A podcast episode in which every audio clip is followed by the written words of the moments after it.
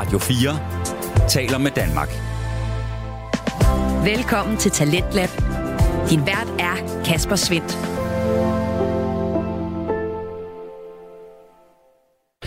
Velkommen til en øh, lidt speciel udgave af programmet her på Radio 4, som præsenterer nye danske fritidspodcast. I aften har jeg en enkelt på menuen. Den hedder Det forladte Danmark, og øh, her er det Mikkel Herskin Lauritsen og Rasmus Svalø, som tager os med til det forladte fængsel i Vridsløse Lille. Og øh, den tur får altså lov at fylde det hele her til aften. Du lytter til Radio 4. Og øh, normalt så er øh, podcasten Det forladte Danmark et øh, sted, hvor Mikkel Hersken Lauritsen og Rasmus Svalø tager os lyttere med på deres egne opdagelser i forladte huse og bygninger, der alle fortæller nye historier om en fortid, der både kan være ret genkendelig og andre gange ret så unikke. Mikkel og Rasmus, de dyrker det her urban exploration, altså hvor man undersøger og øh, opdager øh, nye historier på øh, forladte steder. De to gode venner, de er altid klar på noget nyt, og denne gang, der er det inden for podcasting, de øh, prøver noget af, for den står på interview og et øh, lidt længere afsnit, end øh, de plejer at sende ud her i aften. Du skal nemlig med en øh, tur til øh, statsfængslet i øh, Vridsløse Lille. Et navn, som måske ikke sådan vækker sindssygt meget genklang, men jeg er sikker på, at du fanger, hvor de er henne lige om lidt. Udover Mikkel og Rasmus, så skal du i aften også høre fra Hans Christian Hansen, som er tidligere ansat ved fængslet, og som altså nu er med som guide på den her tur. Og den kommer vi med på her. Jamen, øh, velkommen tilbage til Det Forladte Danmark. Ja, velkommen til. Vi er jo Urban Exploration Danmark. Eller Dejen og Svalen. Eller Mikkel og Rasmus. Grim, grimme børn har mange navne, skulle man vel sige. ja, ja, lige præcis. Ej, spøj til side. Svalø, vi har jo været et helt fantastisk sted henne til den her episode. Ja, fantastisk er ikke ordet. Ekstraordinært specielt sted henne. Ja, ved du hvad? Lad os, øh, lad os tage den. Men øh, bliv der lige hængende for at høre lidt mere om det her fantastisk ekstraordinære sted, vi har været. Nemlig.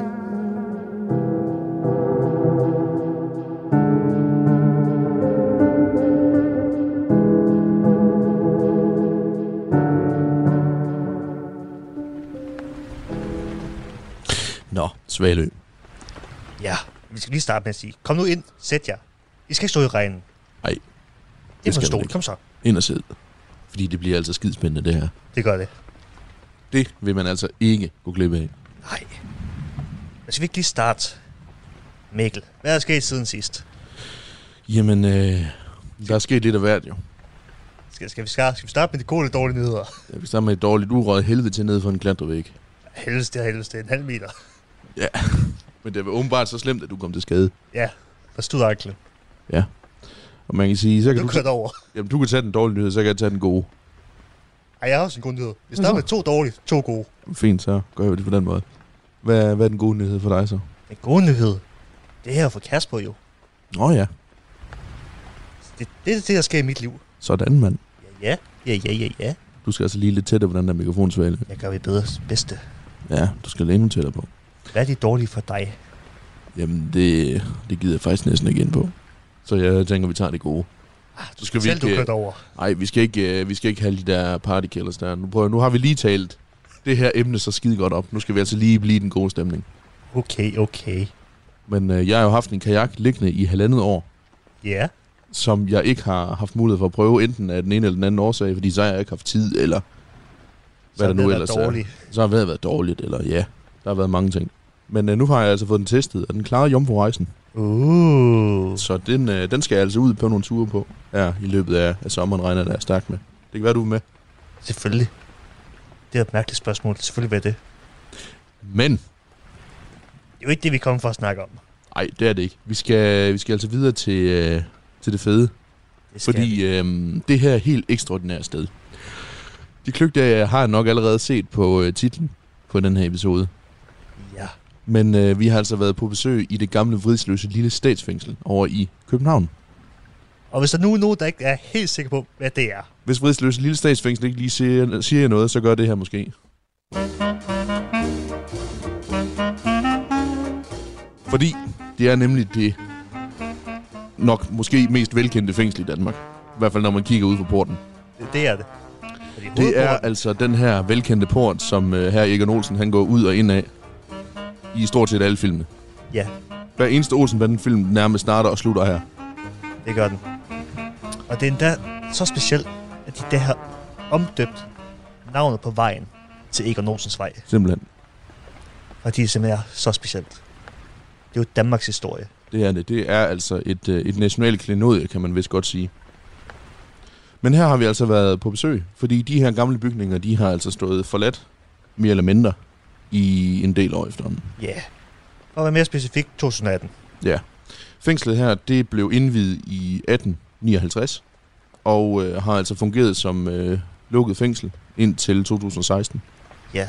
hvor det øh, altså blev, øh, blev erstattet af det her nye Storstrømfængsel nede på Falster. Ja. Så er I så i øh, mellem øh, 2016 og 2018 er brugt som, øh, hvad skal man kalde det, asylcenter for de utilpassede asylansøgere. Eller i hvert fald for de asylansøgere, som er enten, øh, enten er blevet frihedsberøvet af den ene eller den anden årsag, eller er blevet udvist. Ja, Og man kan sige, så hvilken bedre bygning kan man bruge til det end et fængsel, lige præcis. som alligevel ikke bliver brugt. Ja. Så har vi snakket om lidt om, at øh, det har jo været solgt et par gange, Mm. fordi man ikke rigtig har vidst, hvad på man skulle bruge det til. Ja. Og så nu er det ejet af A. Indgård, Mm. Som har planlagt, at øh, de vil rive dele af bygningen ned, men stadigvæk bevare enkelte dele Ja. for at bygge øh, boligkomplekser. Og samtidig så vil de altså også bygge op med de samme mursten. Ja, Det vil sige, at det er ikke bare, at vi fjerner lortet, og så bygger vi noget helt nyt. Nej, nej, nej. Vi, bygger, vi river ned, og så bygger vi altså op af de samme mursten, for at det er den samme bygning, om Ja. ja. så at sige. genbrug. Men øh, det kommer vi altså øh, det kommer vi altså tilbage til lidt senere. Det gør vi. Fordi det er sådan, at inden vi går dertil, så har vi jo været på tur rundt i det her gamle fængsel, og øh, prøvet at suge noget historie til os. Ja, Og i den anledning, der øh, fulgtes vi altså rundt med tidligere ansat øh, Hans Christian Hansen. ja, så det er nok ham, I kommer til at høre allermest i den her episode. Ja, det er, ikke, det er faktisk ikke så meget også, jeg kommer til at høre, fordi det er altså Hans Christian her, som er øh, eksperten på din, den her gamle bygning her. Ja, og han havde rigtig, rigtig meget viden. Det må man sige. Vi blev altså fu- fuldstændig fodret med, øh, med oplysninger her. Så det er ikke øh, det er, det, er nogle enkelte spørgsmål, vi stiller undervejs, men det er altså primært ham, der snakker. Det er det. Men øh, skal vi ikke øh, tage med Hans Christian rundt? Det tænker jeg. Så virker det. Så virker det. Det var da godt. Jamen, øh, vi står jo faktisk ved Egon Olsens vej jo. Det er den, der går ned af der. Det kan desværre bare ikke øh, ses, fordi at øh, vejskiltene er væk, eller Ja. ja. gadeskiltene mm. er væk. Men den blev indvidet i 2004, i december måned. Ja. Øh, faktisk øh, på Ove Sprogøs øh, 85 års fødselsdag, men han var desværre død øh, et halvt års tid før, Okay. cirka. Ja. Men Morten Grundvald var her, og øh, Ove Sprogøs to sønner var her. Mm-hmm. Borgmesteren var. Så det var meget festligt alligevel. Ja. At det kunne lade sig gøre. Ja. Og få sat sådan et navn på der. Og det er jo meget naturligt, når man jo tænker på den der port her, han er gået ud af, vi, jeg ved ikke hvor mange gange jo. Jamen, det er jo lige det. Kan man roligt sige. Det er jo Ja. oplagt. Det er det. Det er jo fuldstændig ikonisk. Og det er jo også øh, herligt, at øh, nu i forbindelse med, at øh, fængslet er lukket, det blev mm. lukket i 16, øh, og at øh, firmaet Indgår, som jo øh, har ligesom vundet både entreprisen og det hele der, mm-hmm. og de er samtidig øh, er meget socialt anlagt med det her med at bevare gamle mm. bygninger med historier Ja. der er det her jo oplagt, og jeg skal da love for, at øh, det oplæg, vi hidtil har set, det bliver, det bliver bare fantastisk. Det må jeg sige. Hvad man tænker at bevare, og hvordan man får kombineret det med det nye også. Mm. Sådan noget. Det er helt fint. Det er rigtig godt. Og det var sådan noget, som, øh, som vi jo rigtig godt kan lide. Ja, jamen det harmonerer med, med meget med jeres, øh, ja, hvad skal man kalde det, øh, indhold. Jamen, det er jo lige det. Ja, ja. Ja, og fronten har ud over porten, men også helt fronten her for får formentlig også lov til at blive. Så, øh, og vi har et museum herovre i, på første sal, øh, som hvis alt går vel, får lov til at rykke ind i fronten her. Ja. Mm. Og dermed bliver bevaret også. Så det er jo perfekt. Ja, det er skide godt. Ja. For at blive i samme Olsenbanden terminologi. Mm. Lige nøjagtigt. Men det kunne da være, at vi skulle bevæge os ind.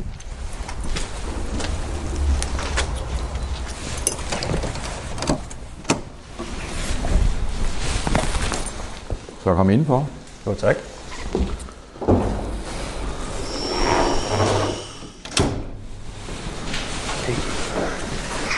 Men øh, vi må jo se, hvor meget vi kan komme rundt Ja. og se. Så øh, lad os gå igennem øh, forgården her.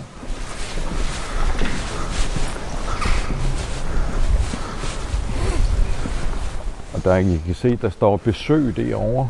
Øh, det er, er jo... Øh, altså vi øh, har jo... Vi har jo det humane indhold, kan man sige, at i Danmark er selvfølgelig skal kontakten til de pårørende Ja. bevares, mindst i effekt.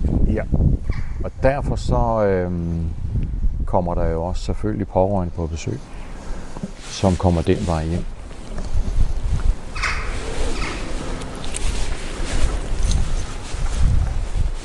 Men det her var jo også tidligere adgangen for de indsatte. De kom ind af, af hovedporten her, igennem den her gård, og så øh, videre ind til modtagelsen. Og når de blev løsladt, så kom de samme vej tilbage. Ja. Mm. Og ellers, i dagligdagen, var det her en fangefri gård. Ja. Mm-hmm. De var altså dybest set kun de to gange, når de ankom, Når de skal ud. og når de blev løsladt. Ja. Ja, indimellem så var de også på udgang. Okay. Og det, så kom de så også igennem her.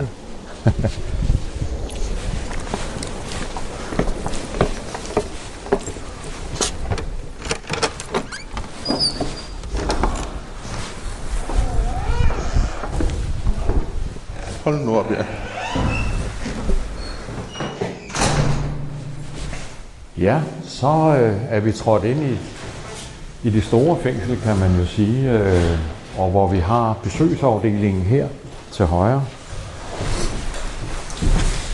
Og de besøgende, som sagt, kom ind den vej fra, blev visiteret. Mm. De ting, de ville gerne have med ind til besøget, blev visiteret. Og så øh, der nede fra enden af gangen, der kom så de indsatte, og så mødtes de i de respektive besøgslokaler, mm. Efter at de indsatte var blevet visiteret også. Ja. Fordi man skulle jo være opmærksom på, om der skulle noget ud, og det samme for de besøgende, der var, skulle man være opmærksom på, om der skulle noget ind. Mm. Ja. ja, og det øh, er jo selvfølgelig en hel del af det sikkerhed, der er i sådan et lukket fængsel her. Ja, selvfølgelig. Er og var. mm. Ja, det er rigtigt. Mm. På den modsatte side, der var så øh, adgangsforholdene for øh, de ansatte. Ja.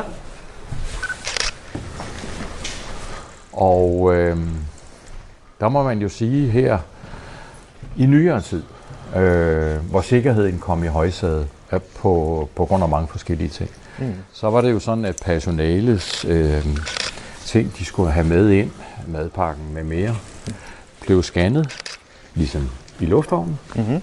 og øh, gik igennem detektorkammen, og på den måde blev scannet.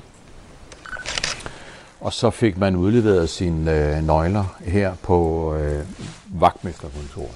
Ja. Mm. ja. Og det samme, så gik man øh, og afleverede sine nøgler, øh, når man var færdig. Og så gik man selvfølgelig ud. Men inden man gik ud på sin arbejdsplads, tog man også en overfaldsalarm. Mm. Så alle dem, der bevægede sig rundt i fængsel, skulle øh, have en overfaldsalarm med. Og det er simpelthen de helt gamle fra, fra den gang. Ja, det er det. Det er det. Altså, man kan også se, at nogle af dem de har set lidt bedre dag. Ja. Og ja. Og ja. Der er nogen, der mangler de helt. Ja, fuldstændig, ja.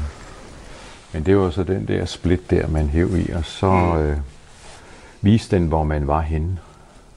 Når det er simpelthen det er den, der gør, at den går i gang, eller hvad? Ja ja. Mm. Det er det. Simpelthen.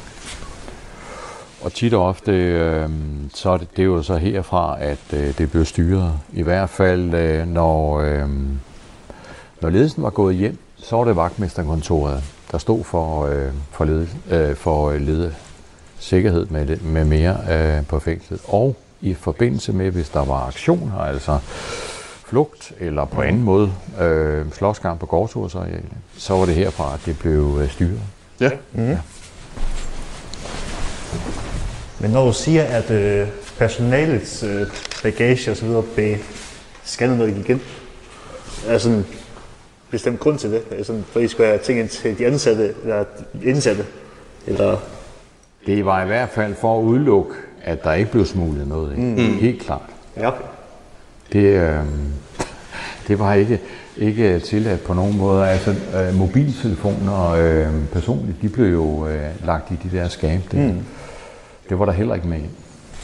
Ja, der har været, der har været styr på det. Ja, det er præcis.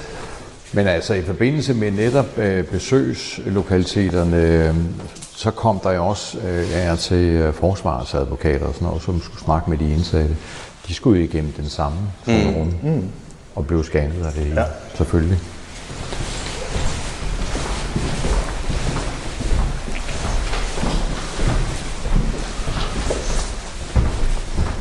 Nu kommer vi ind i øh, Panopticon, centralbygningen. Åh oh, ja. og der er, en, øh, der, er en, der er en helt anden klang her. Jamen det er der. Ja. Kan man høre. Det er rigtigt. Og det er, det er naven i fængslet. Det er simpelthen det øh, centrale punkt i fængslet. Og øh, I kan se herovre på, på de her plancher her, den, det fortæller jo noget om, hvordan det var øh, der i gamle dage, helt tilbage fra, da det blev bygget i, øh, og indvidet i 59, 1859. Mm. At øh, der var jo åbent øh, ud til fløjene. Der var mm. åbent imellem fløj, øh, etagerne. Øh, og det var jo først noget, man øh, begyndte at, øh, at bygge, lave det, der hedder dæk og loft og sådan noget. Det gjorde man øh, i 70'erne og 80'erne. A- og B-fløjen øh, gjorde man i 70'erne, og C- og D-fløjen i øh, 80'erne. Men, men øh, det panoptikon, det, det øh, er fordi den her øh, cirkel, vi har her, der kunne man simpelthen overvåge alle etagerne og alle øh, celledørene mm. herfra, hvad der er sket. Og det er jo altså ja, det er jo genialt. Prin- mm. imprægnerende princip, det her, at det kunne lade sig gøre. Ja. ja.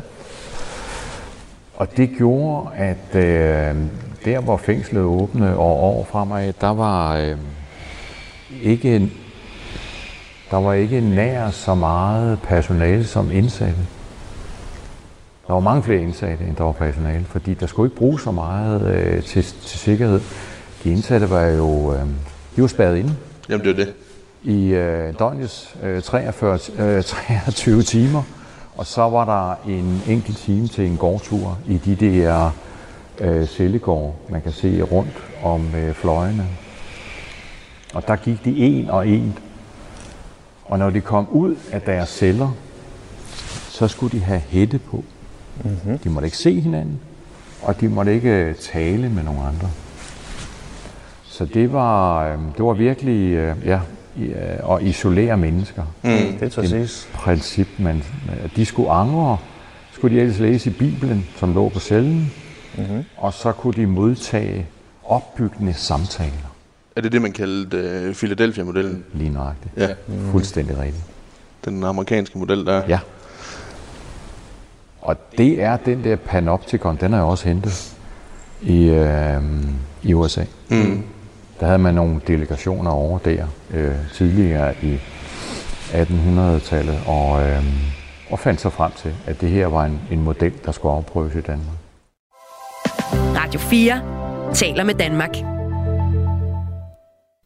Du er skruet ind på programmet Talents Lab her på Radio 4, hvor jeg, Kasper Svens, i aften kan præsentere dig for et enkelt afsnit fra en dansk fritidspodcast.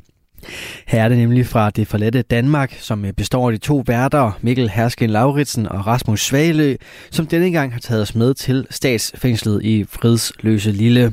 Der er de afsted sammen med guiden Hans Christian Hansen, og øh, vi vender her tilbage til deres afsnit, hvor vi dog ikke kommer tilbage til fængslet, men et øh, smut tilbage til podcaststuen.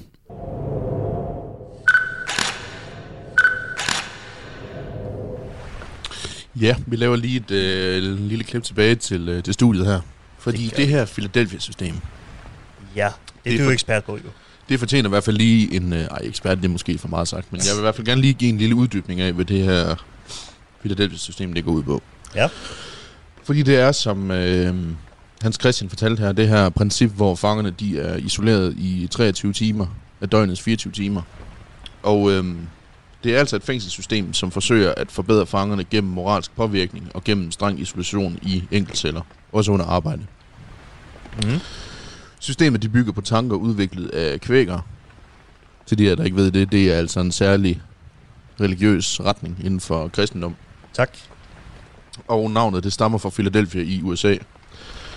Og det er altså et, øh, et system, som, øh, som blev taget i brug i 1829. Ja, ja.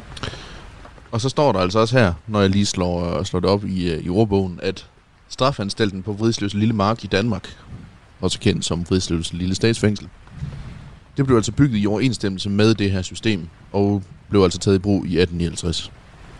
Ja. Så det her fængsel her, det er altså bygget ud fra det her princip omkring det her Philadelphia-system her. At du ikke skal have kontakt med nogen andre. Nej, lige præcis. Og det er jo... Øhm, det er jo et... Som, altså det her med, at det er udviklet af kvækker.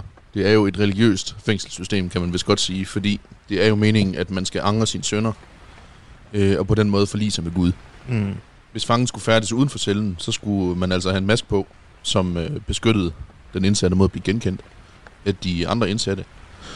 Og den her masketvang, den blev faktisk opretholdt indtil 1924. Ja. Så det var altså ganske mange år. Ja. Efter det så blev den her masketvang altså frivillig, så det ikke var tvang længere. Mm. Men øh, enhver samtale og kontakt fangerne imellem, det var forbudt. Og øh, på den her måde, der blev fangerne altså både i skolen og i kirken placeret i sådan nogle små båse, hvorfor de kun kunne se læreren eller præsten. Mm. Så der var altså total afskærmning. De kunne overhovedet ikke se hinanden. Og det her isolationsprincip, det blev altså bevaret et godt stykke op i, øh, i 1900-tallet her i Fridsløse. Ja. Indtil I fandt ud af, at det ikke rigtig fungerede længere. Ja. Og det, øh, det snakker vi også om med Hans Christian her. Ja. I hvert fald som pædagogisk uddannet, der giver det ikke ret, meget mening, det her. Men I bruger jo stadigvæk princippet i ny og næ. Altså alligevel ikke helt. At I bruger de der aflåste, eller aflukkede bokse. Ej, vi bruger de her afskærmningsprincip, Ja, det er det, jeg mener. De afskærmningsbokse. ja, men det er ikke fordi eleven sidder isoleret. Okay. Men det er rigtigt, man kan afskærme for, at man kan se de andre.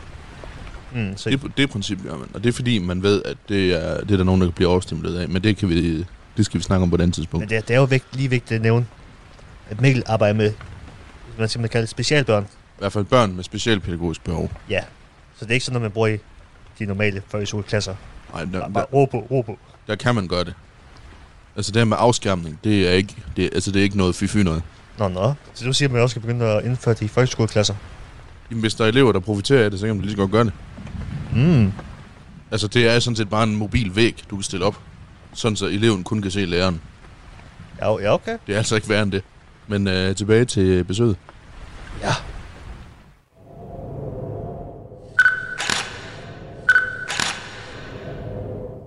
Der var også de første mange år diskussioner og undersøgelser med at isolere folk på den måde der.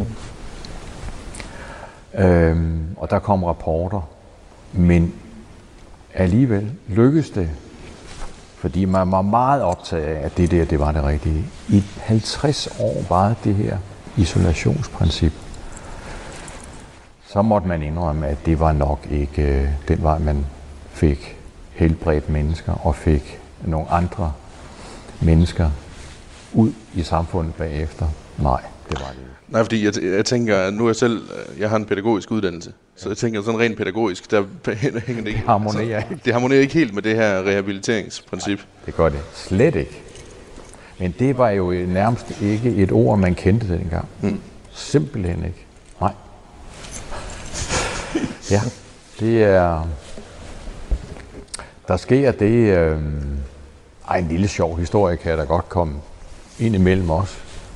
Øh, det, altså fængslet her blev jo øh, bygget på Vridsløse Mark. Vridsløse Lille Mark. Og der var jo ikke andet her. Mm. Intet var der. Nej, vi fandt lige et, øh, vi fandt sådan en gammel arkiv. Ja. Arkivtegningen må det jo næsten have været. Ja. Man kunne se, at det var helt åbent rundt om. Fuldstændig. Ja. ja. Men, men øh, der omkring øh, 1880'erne og 90'erne, der tilkøbte man yderligere jord her til den østlige side. Fordi at øh, der begyndte man jo at finde ud af, at det her med at isolere, det var ikke, det var ikke en øh, bæredygtig øh, idé på, på lang sigt. Det var der altså ikke. Så der skulle noget mere plads til øh, nogle andre aktiviteter i, i fritiden, at de kunne komme ud og være sammen og alt det her. Og lige sådan hernede. Men det her jord, det tilkøbte man så af den samme bonde, som havde, havde øh, solgt det der stykke jord der. Og det, der sker, det, det er, at øh, faktisk i forbindelse med, at det var gået i orden, og man havde øh, udvidet det, så den her bondemand, han slog sin kone ihjel, fordi han var faldet fra tjenestepigen. Og så røg han jo herind, mm-hmm. i det her fængsel, som han havde lagt jord til. Mm. ja. Men ellers så har øh, de her øh, afdelinger her har jo igennem årene øh, huset øh, mange forskellige øh, grupper, kan man sige, øh, og mange forskellige typer af mennesker. Mm. Øh, et øh, historisk menneske, Alberti, har jo siddet her. Mm. Mm-hmm. Han øh, meldte sig selv i, i øh, 1908, øh, fordi han, ja, han havde ludomani. Det er jo ikke noget ord, man kendte dengang. Men han øh, spillede hasard, og øh, tjente jo ikke penge nok til det. Så han lånte lidt i sparekassen også, som han var formand eller bestyrer for. Og så, øh, men i 1908 meldte han sig selv, og mm. sad så i Horsens de første år, og øh, de sidste år her i Rødsløve. Han var en stor mand, øh, så øh, undtagen cellens størrelse, så alt andet møblement med mere, øh, det skulle laves i extra large eller XXX large. Øh, men men øh, hans stol, øh, den er sådan lidt historie, for den er, den er kæmpestor. Mm. Mm. Øh, den har vi haft på vores museum, Ja. øh, men har, den har så været lånt ud til Horsens, øh, fordi han også sad der. Mm. Og af en eller anden grund, så er den desværre ikke kommet tilbage nu Nå. fra Horsens. Men altså, den er jo stadigvæk i kriminalforsorgen, så det er jo fint nok. Mm. ja. Øhm, jeg kan også nævne Palle Sørensen. Alle kender jo Palle Sørensen. Mm. Mm. Det kan man roligt øh, fortælle om. Øh, det er i øh, midt i 60'erne, der blev han indsat her jo. Og øh, sad i vores isolationsafdeling, som vi kommer ned på, indtil 12 år. Ja. Mm-hmm. Øh, hvor han jo ikke øh, på nogen måde kom i kontakt med andre. Men havde en øh, nærmest en fast betjent tilsluttet som en form, som mentor nærmest. Og efter det, øh, han havde siddet der på isolation, så øh, afzonede han resten af tiden på øh, afdeling B1. Øh, men havde dernede på isolation havde han to celler, fordi han havde sin sovecelle, og så havde han sin lille værkstedscelle. Mm-hmm. Og han øh, var finmekaniker. Og øh, han lavede jo vores øh, administrations maskiner på kontorerne, når de gik i stykker, skrivemaskiner, regnmaskiner og den slags. Mhm. Det kunne han fint lave. Det var da fint. Så kunne komme til det. Og det var jo sådan, ja, så havde han også beskæftigelse, og det var ja, i moderne tale win-win situation, Jamen, kan man sige. præcis. Ja. ja, ja.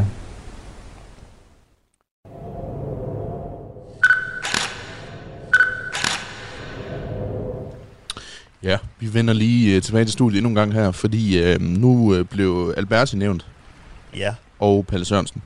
nemlig. Fordi det her fængsel her, det har jo rummet nogle øh, indsatte, som øh, af navn i hvert fald er relativt kendte. Det, det, det så siges. Vi kan jo hurtigt lige øh, ramse op. Alberti, Ja, P.A. Alberti. ja. Tidligere- Tidligere justitsminister fra Tidligere Danmark. justitsminister, ja. Så har vi Louis Bio. Øh, Socialdemokratiets fader, tilbage fra 1800-tallet. Mm-hmm. Så har vi jo øh, Så har vi jo Palle Sørensen her, Palle også, Sørensen. som også blev nævnt. Ja, politimorderen. Skal vi uddybe ham, eller skal vi vente til, at øh, vi kommer tilbage til hans celler på et senere tidspunkt? Ja, det synes jeg, vi skal. Jeg synes, vi venter lidt med ham. Vi venter lidt med ham. Det er fint. Så har vi øh, The Greatest Gangster Boss i Danmark. Svend Åge øh, Halstrøm, Ja. der er tilbage i, øh, under og efter 2. verdenskrig. Laver rigtig meget sorbøshandel. Og så har vi også øh, hans øh, kompagnon, William Rorson, tror jeg, det skulle udtales. Mm. Vi kan da også gå lidt, lidt længere frem i tiden. Jeg har jo altså også nogle folk som øh, Stein Bakker. Ja, i hvert, fald vi lidt mere, i hvert fald lidt mere uofficielt i forhold til de kilder, vi kunne finde. Vi har Stein Bakker, ja. Og så har vi altså også Marcel Lykav Hansen, også kendt som Amagermanden. Ja. Og så har vi også øh, den, den helt store udbryderkonge, som jeg også kommer ind på senere, som jo flygtede forbindelse med øh, komikets er, hvad vi skal kalde det. Jeg tror ikke, jeg vil gælde det uheld. Det var rimelig planlagt, men øh, det kommer vi til. Ja. Det var i hvert fald lige et, øh, det, var lige, det trængte lige til lidt uddybning, tænkte vi. Ja. Så, øh, Og selvfølgelig De- rockere. og selvfølgelig rocker, ja. Banditers og Hells Angels havde været deres afdeling. Det bliver der også fortalt lidt mere om. Mm. Men øh, lad os da vende tilbage til, øh, til fængslet og øh, Hans Christians fortælling. Ja, lad os det.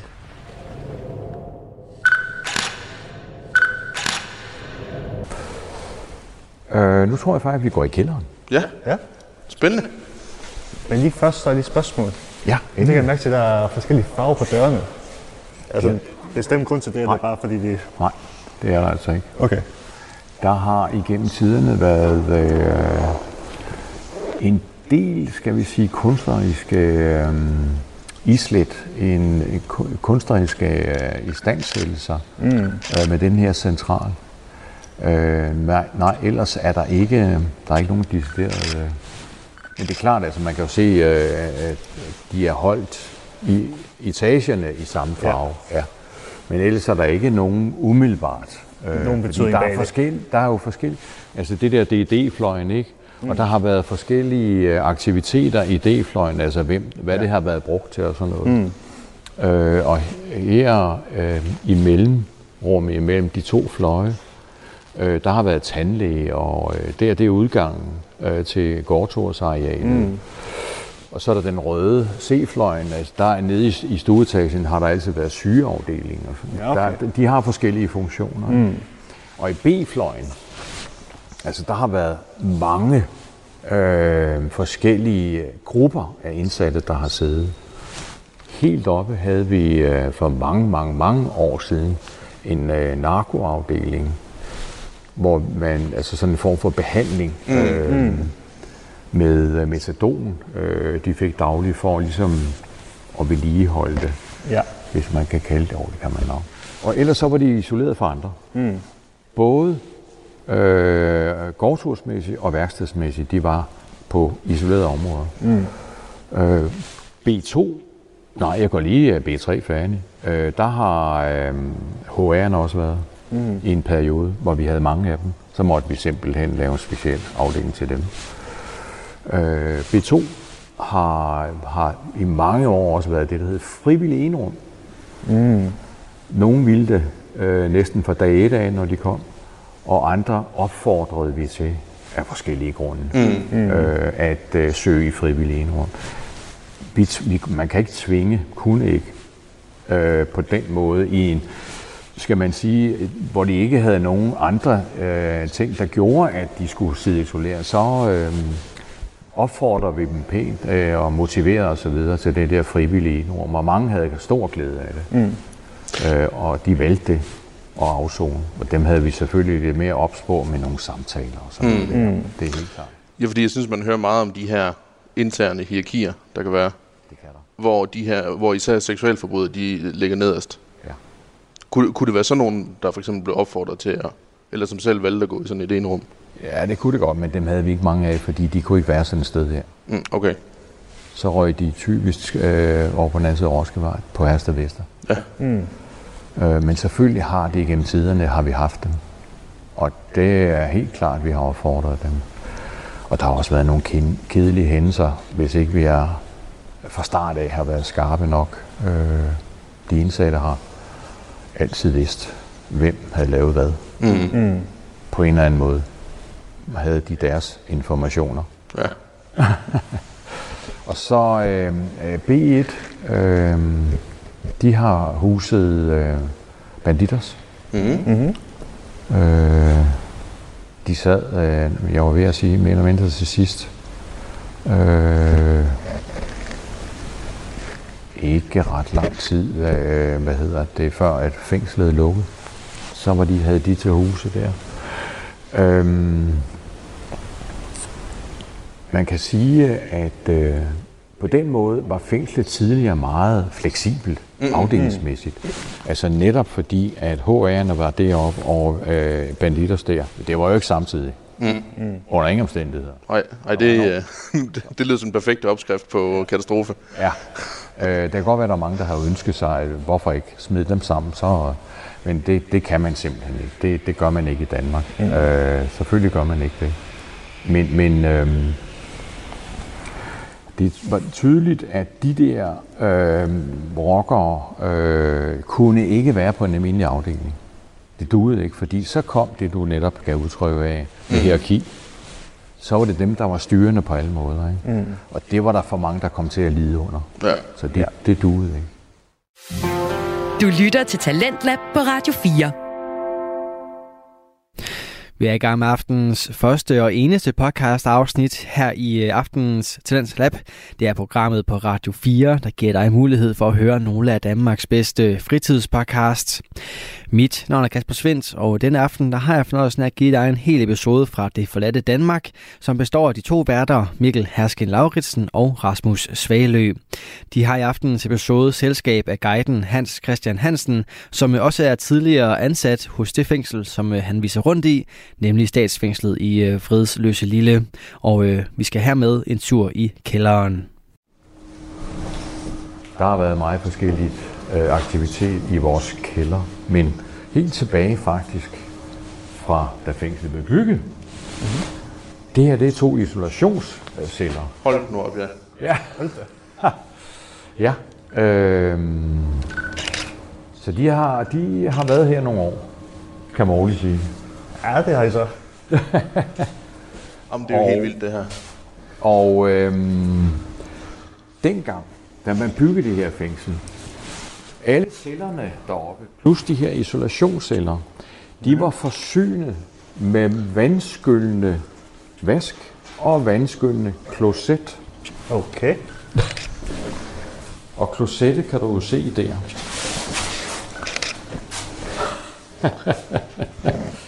ja.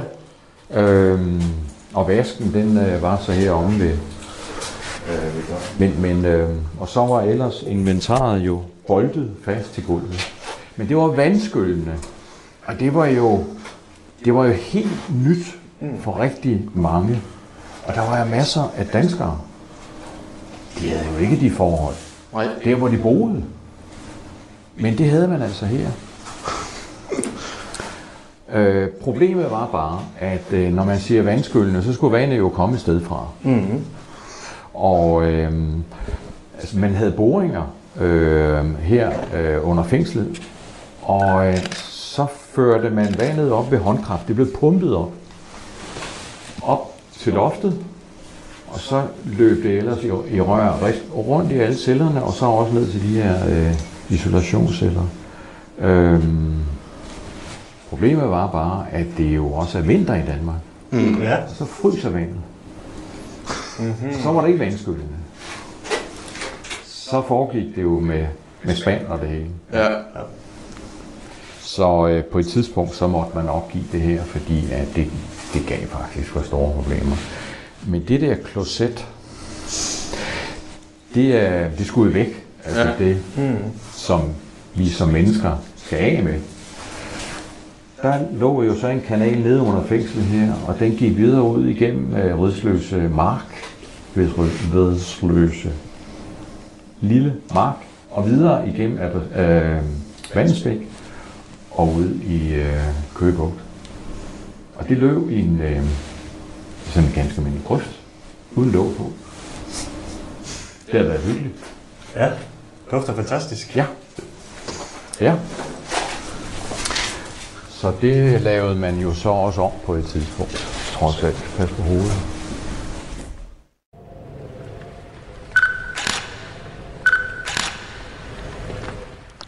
Ja, et kloset. Ja, Hvad er det nu? Øh, Svale ved, hvad sådan et øh, kloset det er? det, det gør vi jo. Altså, jeg tror også, de fleste danskere faktisk kender. Vi sad i hvert fald sådan lidt og diskuterede, hvad fanden er et kloset egentlig. Altså man kan sige, jo, vi fik det vist, da vi var der. Ja, men Forklarede også, forklarede også hvad det var. ja, en, en cementblok med hul i. Ja, okay. Det var jo basically det. Ja. Og når jeg lige slår op i øh, den danske ordbog, så er et kloset, så står der øh, i parentes rum med, og så spand eller anden beholder beregnet til opsamling af urin og afføring med eller uden kloakudløb. Så det vi hører, det er, det er bare et toilet. Mere eller mindre, ja. Ja. Bare øh, gammeldags fortegnelse for det. Det er i hvert fald ikke, fordi der er en fundamental anden forklaring på, eller definition af, hvad et toilet er.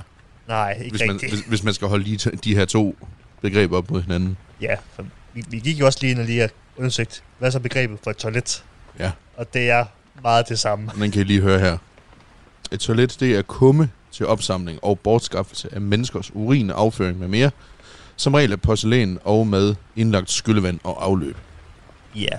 Så man kan sige, at det der så kan være forskellen, det er, at der er, at der er for at det er et toilet, så skal der være indlagt afløb. Sådan kan man i hvert fald tolke den her.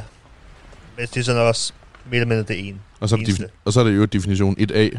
Så står der igen rum eller mindre bygning udstyret med en sådan kumme og eventuelt håndvask, spejl med mere. Så toilettet, det kan man altså også kalde rummet. Ja, Det kunne man sådan set også med klosettet. Det var rum i parentes. det er rigtigt. Så hvad er forskellen på de to?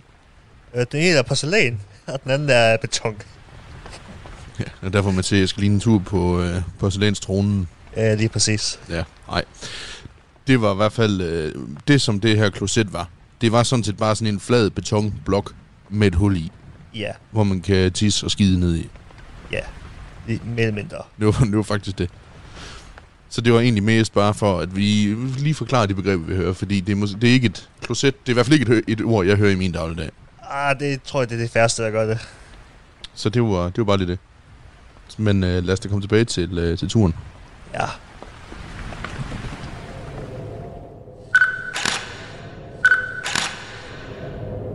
Så også været øh, forskellige øh, værksteder hernede.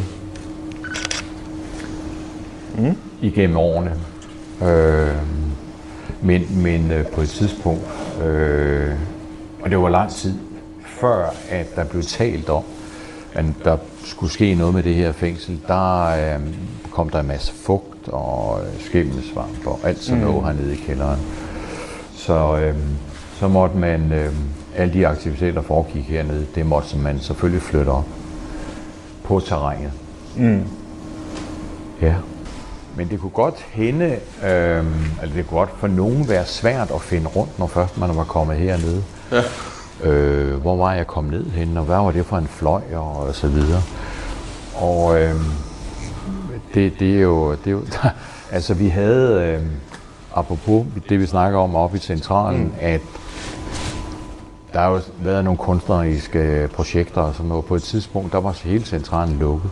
Så man brugte simpelthen kælderen til at gå fra fløj til fløj. Ja. Mm. Og det hentede, at der var nogen, der øh, blev væk. Fordi at øh, det, var- der er altså virkelig mange gange hernede. Det var en labyrint. Ja, simpelthen. Ja, ja. Og især nye ansatte. De her ting, der står på rundt på væggene, er det, øh, er det indsatte, der har skrevet dem? Ja, det er det.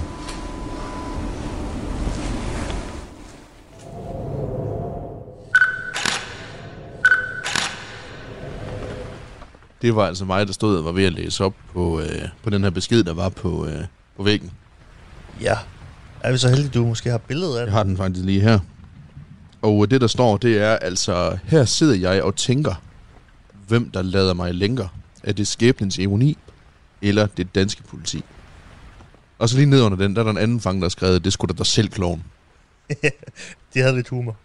Jeg havde lidt humor trods alt, men stadigvæk, altså man kan sige, det er poetisk. Det er det. Også et kontant svar. det er det.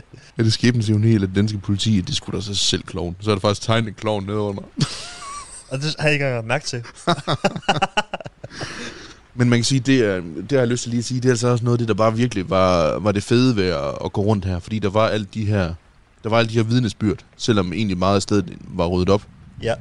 Altså man kunne tydeligt fornemme, hvad der er foregået, selvom alle de her ting manglede. Der var så meget historie, i, altså nærmest i bygningsværket i sig selv. Ja. Må også bare den måde, som var sådan, hvad, hvad skal vi kalde det, sådan lidt, rent bare luften i forskellige rum Mm. og afdelinger, kunne virkelig gøre en kæmpe forskel. Helt vildt. Men jeg kunne sådan godt mærke, det sådan, virkelig sådan øh, ekstra sådan tung og trist nede i kælderen, og så på den deciderede, virkelig lukkede afdeling, vi kom på. Ja. Kontra alle andre afdelinger, vi er ude på. Der var stemningen jo totalt anderledes. Jamen det kommer vi også til. Vi er jo ikke nede på den reelle isolationsgang endnu. Ej. Vi er nede i de her helt gamle isolationsceller. Ja, kælderen, katakomberne. Ja, faktisk. The Dungeons. Men nej, det er rigtigt. Det der med, altså der var simpelthen, i forhold, jeg, jeg har lyst til at sige, i forhold til de bygninger, vi ellers besøger, altså når vi besøger et, et hus et eller andet sted, ikke også? Altså hvor, hvis der ikke er noget tilbage, Ja. så er det faktisk svært et eller andet sted at fornemme, hvordan tingene har været, mens folk har været der. Mm. Fordi jeg mangler det der vidnesbyrd. Altså sådan lidt, vi ser så meget af det samme. Det er mest det er bare herværk. Ja, Så ved jeg herværk ikke, jo, og så tomme lokaler. det er lidt svært at bryde ind og lave herværk i et fængsel, ikke også? Men, altså, men man kan sige, selvom der ingen møbler var på den måde nogen steder, altså i hvert fald på de her gange, mm. hvor vi gik, Ja.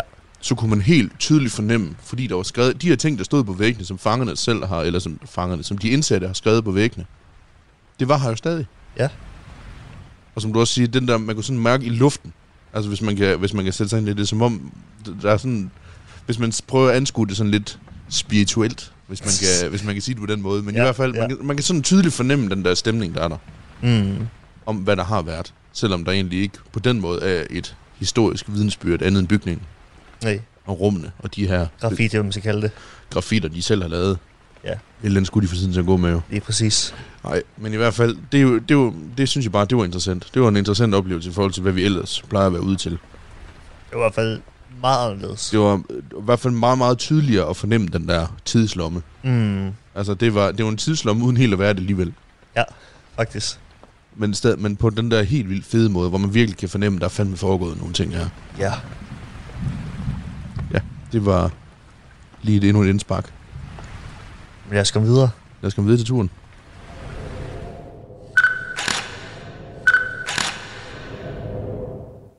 Men de her reporer, vi går på her, de har jo ikke fra start af været så store og så brede. Mm. Man kan nærmest se herinde, at øh, på den der afdeling, det er sådan en fællesskabsafdeling, der har de jo altså ikke været bredere end der, hvor den blå streg, den begynder så ind på væggen af. Oh, ja. Det var ikke særlig bredt. Og det var jo inden man begyndte at lave de her etageadskillelser. Mm.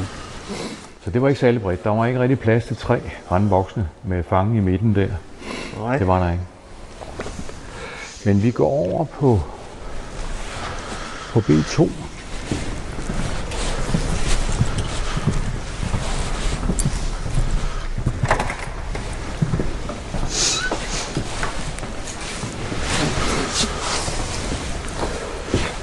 Det her, det er jo så en typisk fællesskabsafdeling. Mm-hmm. Ja. Hvor øh, afdelingspersonalets kontor er midt i, i gangen der. Mhm. Ja.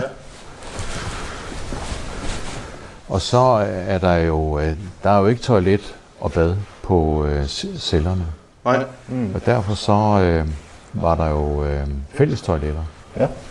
Og, øh, og fællesbad. Og øh, til at begynde med, så var det jo noget med, at man kunne bestille tider og sådan noget på bad. Men øh, med årene, der blev det mere sådan øh, glidende, mm. øh, og det mere passede de indsatte. Ja. Øh, og toiletterne kunne de jo bruge øh, i løbet af, af dagen. Men hvis man var trængende om natten, ja, så måtte man jo trykke efter personale. Ja. Mm. Og øh, det kunne godt gå lidt tid, for der var ikke så meget personale om natten. Og så blev håndvasken brugt. Oh, ja. Ah, Og det gav lidt øh, komplikationer igennem tiderne med kalksten og sådan noget der. Det kan ikke undgås. Det kan det ikke. Men, men øh, det jo er, er jo altså de her cirka 6 kvadratmeter, de her celler. De er godt nok ikke store. Nej, det er nemlig ikke. Det er det ikke. Og der jo så er en øh, håndvask, og så en seng, Ja. og et øh, skrivebord med en hylde. Og øh, så var der køleskab og et garderobeskab. Meget mere var der ikke. Og så øh, sådan nogle celler her, de har, de har været malet, jeg ved ikke hvor mange gange igennem tiderne. Mm. Fordi at der øh, har været skrevet øh, rigtig meget. Så tit og ofte, når øh, en blev løsladt, så sendte vi lige et, et øh, lille renoveringshold ind for at øh, klare det. Mm. Simpelthen. Og det her, det er jo så... Øh, det er jo et, et, øh, et fælleskøkken. Åh oh, ja. Øh, og det hænger jo sammen med, at man øh, indførte øh,